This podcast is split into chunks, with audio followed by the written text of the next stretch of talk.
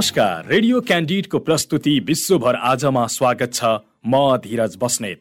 विश्वभर आज radio Candid ninety two point seven megahertz radio क्यान्डिडको आधिकारिक फेसबुक पेज र पोडकास्टमा समेत सुन्न सक्नुहुन्छ।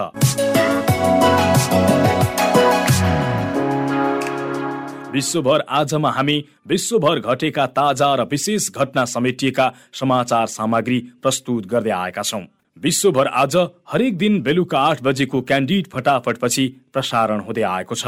विश्वभर आज भएका प्रमुख घटनाहरू जुन तपाईँले जान्न खोजिरहनु भएको छ वा जान्नै पर्ने केही विशेष छ जुन घटनाहरू प्रस्तुत गर्दै हुनुहुन्छ सहकर्मी यमुना राणा र विद्या तामाङ। भारतमा बिहिबार एकै दिन सात हजार दुई सय चालिस जनामा कोरोना संक्रमण देखिएको छ। यो अघिल्लो महिनाको तुलनामा चालिस प्रतिशतले बढी हो। महाराष्ट्र र केरलामा संक्रमण दर वात्तै बढेको छ। तीन महिनापछि पहिलो पटक बुधबार दैनिक कोभिड संक्रमित दर पाँच हजार नागेको थियो। भारतमा अहिले बत्तीस हजार चार सय अन्ठानब्बे जना सक्रिय संक्रमित छन्। केन्द्रीय स्वास्थ्य मन्त्रालयका अनुसार पछिल्लो चौबिस घण्टामा दैनिक संक्रमण दर एक दशमलव एकतिस प्रतिशत रहेको छ। साप्ताहिक संक्रमण दर भने दुई दशमलव तेह्र छ। पछिल्लो चौबिस घण्टामा कोभिडबाट आठजनाको मृत्यु भएको छ। यससँगै भारतमा अहिलेसम्म कोभिडबाट मृत्यु हुनेको सङ्ख्या पाँच लाख चौबिस हजार सात सय तेइस पुगेको छ। भारतमा अहिलेसम्म कोभिडबाट चार करोड एकतिस लाख सन्तानब्बे हजार पाँच सय बाइसजना सङ्क्रमित भएका छन्। बुधबार महाराष्ट्रमा दुई हजार सात सय एकजनामा कोभिड देखिएको थियो। यो सङ्ख्या पच्चिस जनवरी पछिकै उच्च हो। सङ्क्रमित मध्ये कम्तीमा बयालिस प्रतिशत मुम्बईको रहेको बताइएको छ। यसैबीच भारतमा हवाई यातायातको नियामक निकायले नयाँ निर्देशन जारी गर्दै सबै हवाई यात्रुहरूले उडानभरि नाक र मुख छोपिने गरी मास्क लगाउनु अनिवार्य रहेको जनाएको छ। कोभिड नाइन्टिन संक्रमण दरमा कमी आएसँगै जहाजमा भएका यात्रुहरूले मुखमा मास्क नलगाएर कोभिड नियमलाई हल्का लिन थालेपछि उक्त निकायले उडानका समय मास्कलाई सुरक्षित लगाइराख्न निर्देशन गरेको हो। नागरिक उड्डयन महानिर्देशनालयले जारी गरेको निर्देशनमा विमानस्थल परिसरमा पनि मास्क अनिवार्य गरिएको छ। नयाँ निर्देशनले भारतमा कोभिड नाइन्टिनको सक्रिय संक्रमितको संख्यामा वृद्धि भएपछि मास्कको महत्वलाई मान्यता दिएको हो। पाकिस्तानको बालोचिस्तानको किल्ला सैफुला नजिकै यात्रुवाहक भ्यान दुर्घटना हुँदा बाइसजनाको मृत्यु भएको प्रहरीले जनाएको छ। गाडी सडकबाट करिब एक सय फिट तल खोल्सामा परि दुर्घटना भएको र घटनामा परि पाँच बालबालिका पाँच महिला र एघार पुरुष गरी बाइसजनाको मृत्यु भएको जिल्ला प्रहरी कार्यालयका उप आयुक्त हाफिज मोहम्मद कासिमले बताए दुर्घटनामा परि एक बालक घाइते भएका छन्। उनको कोइटा स्थित एक अस्पतालमा उपचार भइरहेको छ।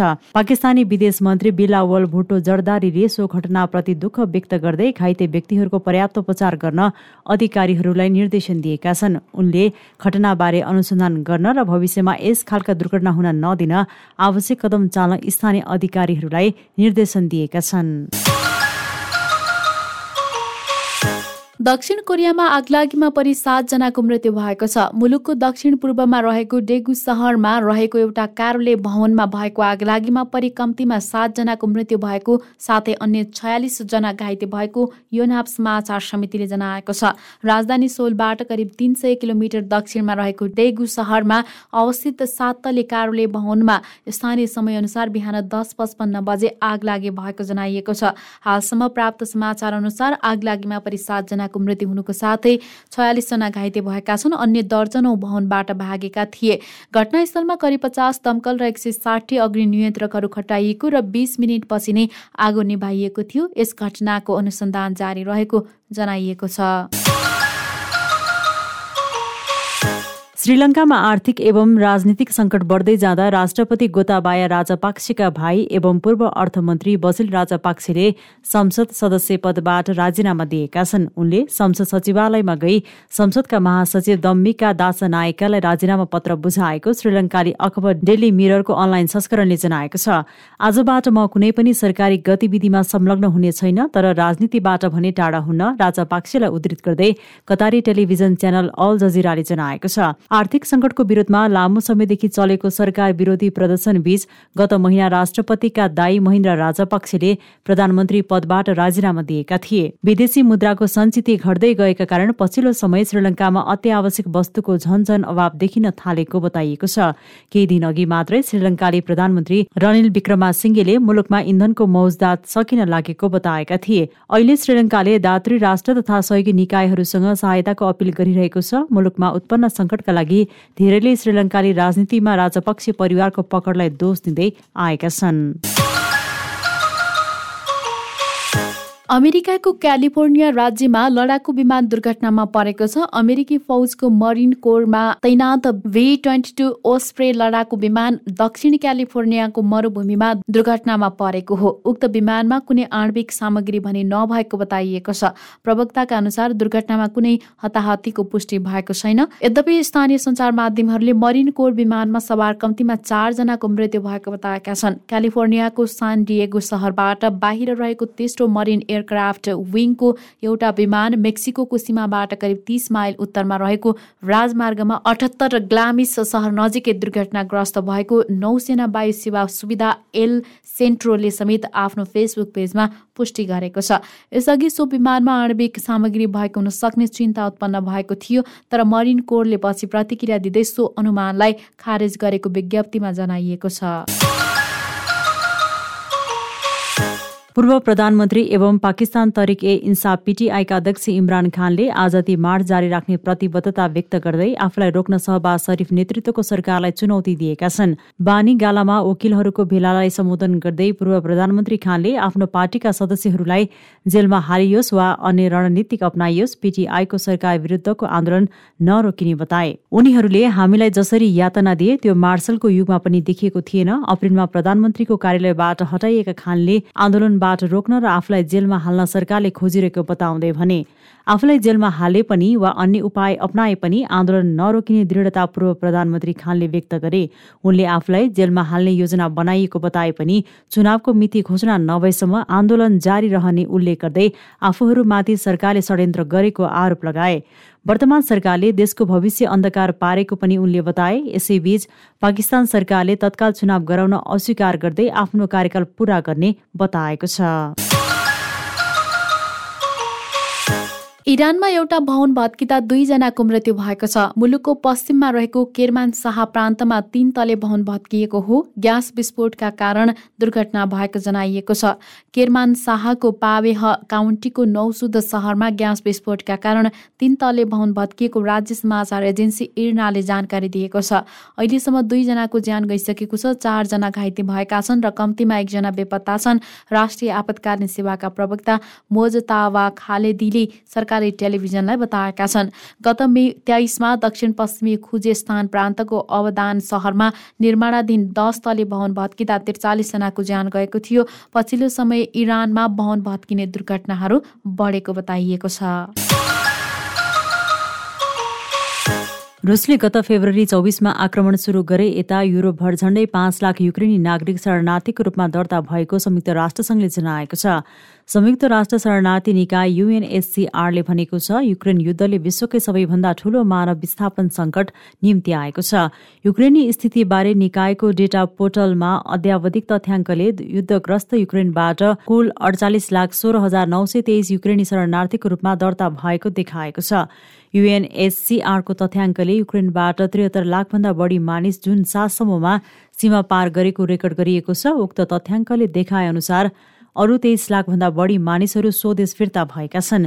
विदेश पलायन भएका मध्ये नब्बे प्रतिशत महिला र बालबालिका रहेको राष्ट्रसङ्घले बताएको छ। सैनिक सेवाका लागि योग्य अठारदेखि साठी वर्ष उमेर समूहका पुरुषलाई देशबाट बाहिर जान दिइएको छैन। युक्रेनबाट भागेकाहरू बाहेक संयुक्त राष्ट्रसङ्घको अन्तर्राष्ट्रिय बसाई सराई संगठनले अनुमान गरे अनुसार अस्सी लाखभन्दा बढी मानिसहरू यस आक्रमणसँगै स्वदेशमा नै आन्तरिक रूपमा विस्थापित भएका छन्।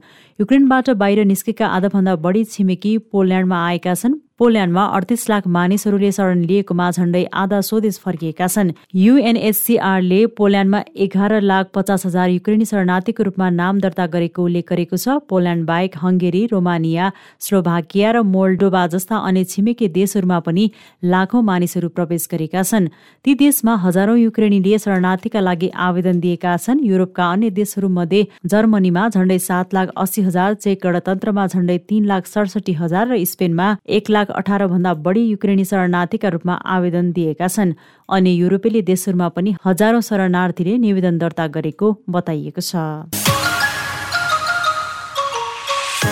चिनिया राष्ट्रपति सी जिङपिङ तेस्रो पटक पुनः सत्तामा पुग्ने तयारीमा रहेका बेला चीन कोभिड नाइन्टिन भन्दा पहिलेको जस्तो अवस्थामा नरहेको अधिकारीहरूले बताएका छन्। सन् दुई हजार अठारमा चीनको नेसनल पिपुल्स कङ्ग्रेसले राष्ट्रपतिको दुई कार्यकालको सीमा हटाउने प्रस्ताव अनुमोदन गरेपछि सीलाई अब आजीवन प्रभावकारी रूपमा सत्तामा रहन सक्ने बाटो खुलिएको जियो पोलिटिकल इन्फो डटले जनाएको छ।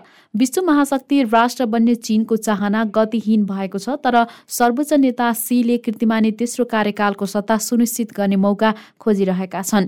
यसै वर्ष हुने चिनिया कम्युनिस्ट पार्टीको बिसौँ राष्ट्रिय महाधिवेशनको मिति घोषणा गरिएको छैन तर मिति घोषणा भएसँगै सीको पुनः सत्तारूढ हुने चाहना अभिव्यक्त हुने अपेक्षा गरिएको छ। र अमेरिकाको तल्लो सदन हाउस अफ रिप्रेजेन्टेटिभ्सले बन्दुक नियन्त्रण गर्ने सम्बन्धी विधेयक पारित गरेको छ। टेक्सास र न्युयोर्क राज्यमा हालै भएका गोलीकाण्डपछि पेश गरिएको सो विधेयकको पक्षमा दुई सय तेइस र विपक्षमा दुई सय चार मत खसेको अमेरिकी अखबार न्युयोर्क टाइम्सको अनलाइन संस्करणले जनाएको छ। यस विधेयकले अर्ध स्वचालित राइफल खरिदका लागि न्यूनतम उमेर सीमा बढाउन खोजेको बताइएको छ। यसले पन्ध्र राउन्डभन्दा बढी क्षमता भएका गोलीगट्ठा बिक्री निषेधका लागि पनि अनुमति दिएको छ। अब कानून बन्न माथिल्लो सदन सिनेटबाट पारित भएर राष्ट्रपतिले हस्ताक्षर गर्नुपर्छ तर माथिल्लो सदनबाट यस विधेयक पारित हुने सम्भावना भने कम रहेको बताइएको छ। तर सदनमा विधेयक पारित भएपछि डेमोक्रेटिक पार्टीका सांसदहरूलाई मतदातालाई सकारात्मक सन्देश पठाउने मौका मिल्नेछ। यसै वर्षको नोभेम्बर महिनामा अमेरिकामा मध्यावधि निर्वाचन हुँदैछ। प्रस्तुतिमा हुनुहुन्थ्यो सहकर्मी यमुना राणा र विद्या तामाङ। विश्व गतिविधि रेडियो क्यान्डिडको दैनिक प्रस्तुति हो। तपाईँले रेडियो क्यान्डिडको वेबसाइट आधिकारिक फेसबुक पेज र पोडकास्टमा सुन्न सक्नुहुनेछ। सँगै खबर हब डट कममा पनि विश्व गतिविधि पढ्न सक्नुहुनेछ। भोलि फेरि यसै समयमा विश्व गतिविधि बुलेटिन लिएर उपस्थित हुनेछौँ। आजलाई भने बिदा दिनुहोस्। नमस्कार।